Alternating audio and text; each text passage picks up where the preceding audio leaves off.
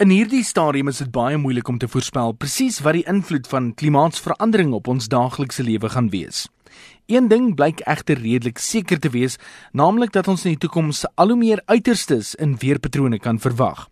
Hitte, koue, droogtes, oorstromings wat tot versuiptoestande sal lei, sowel as storms wat meer dikwels en met groter intensiteit gaan voorkom. Dit sal beteken dat daar byvoorbeeld meer haalstorms gaan wees, sowel as sterker winde. Al hierdie verskynsels sal meebring dat plante meer dikwels aan verhoogde spanning blootgestel sal word.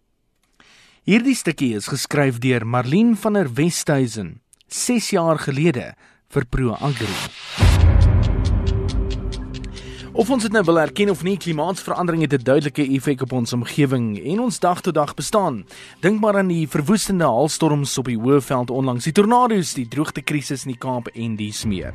Professor Johannes Celee van die Noordwes Universiteit oor ons veranderende omgewing. Sy is ook 'n gereelde gas op Breakfast met Dirk. So ons het reeds teen Augustus meer koolstof vrygestel as wat ons woude en oseane in 'n jaar kan absorbeer.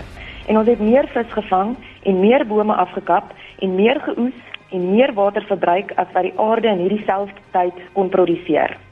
So nou volgens statistiek is dit bereken dat as alle mense leef soos die gemiddelde Suid-Afrikaner leef, sou die ekwivalent van 1 en 'n half planete nodig wees om genoeg natuurlike hulpbronne te produseer vir ons huidige verbruikspatrone. In 2017 um, het ons gesien orkane en brande, siklone, droogtes, koue golwe en hittegolwe.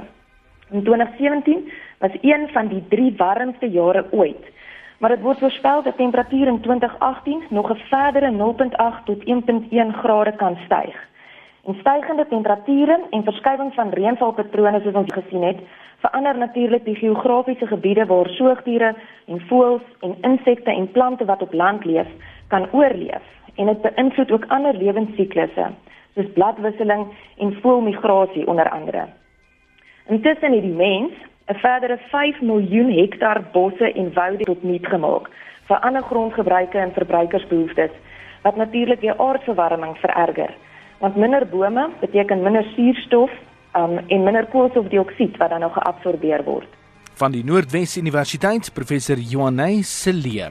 Johan van der Berg is 'n weerkundige van Santam Landbou en die vraag moet gevra word: Is ons seisoene besig om te skuif? Ek dink ja, mense mens kan 'n ja en 'n nee antwoord hier gee. As jy mens gaan kyk na die laaste klompe jare, dan lyk dit tog asof daar 'n week of twee weke en selfs dalk bietjie bietjie langer uh, dat die seisoen aangeskuif het, as mense dit so kan noem.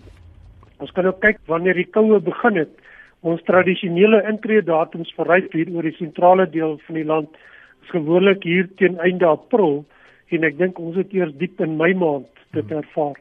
So die laaste paar jaar het wel dat ons later het die winter begin en ook 'n bietjie langer aangaan. As mens egter na die langtermyn geskiedenis kyk, uh is daar ook 'n sikliese effek. Uh dit wil sê dat so tipe van verskywing 'n tydelike geval, 'n tydelike ding is en so oor 'n paar jaar dan kan dit weer terugskuif. Uh iets in die geskiedenis en dis nou baie jare terug byvoorbeeld uh het die sonvlek aktiwiteit het 'n bietjie afgeneem daarvan omtrent 1640 tot net so na 1700. Hmm. En toe die aarde redelik afgekoel en winters het baie lank geword uh en baie koud en die kos was min geweest. Uh en ons het ook in Suid-Afrika sulke skywings skuwe al gesien. In die Vrystaat byvoorbeeld het ons in die 1970s het ons vir 'n klomp jare eintlik goeie winter en lente reëns gekry. En boere het begin dink dit is soos klimaat verander het uh en koring geplant en ook baie suksesvol geplant. Uh en sedert tot hier omtrent 1979-80 toe dit weer gedraai en sedertdien het ons omtrent nog nie weer goeie koringoeste gehad nie want ons het nie hierdie 'n uh, goeie klimaat daarvoor gehad nie.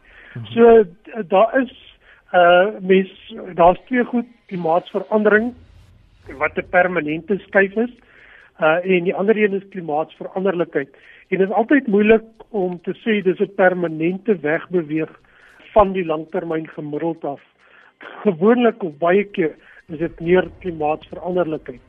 Maar dat ons die laaste klompie jare ook uh kan 'n mens sê bietjie warmer winters of minder koue winters kry. Hmm. Uh sien ons ook in die hoeveelheid koue eenhede wat ons ervaar wat belangrik is vir gewasse soos druiwe, appels en selfs koring. En, en ons sien dat die die die gewasteelers begin kyk om gewasse te teel of om variëteite te teel wat uh met minder koue uh, behoefte uh, kan groei. Want daar is 'n klompie gewasse wat wat 'n sekere aantal ure van temperature hier tussen 0 en 7 grade kry. En as hulle dit nie kry nie, uh, dan kry ons baie keer dat die produksie afneem. Johan van der Berg, weerkundige van Santam Landbou.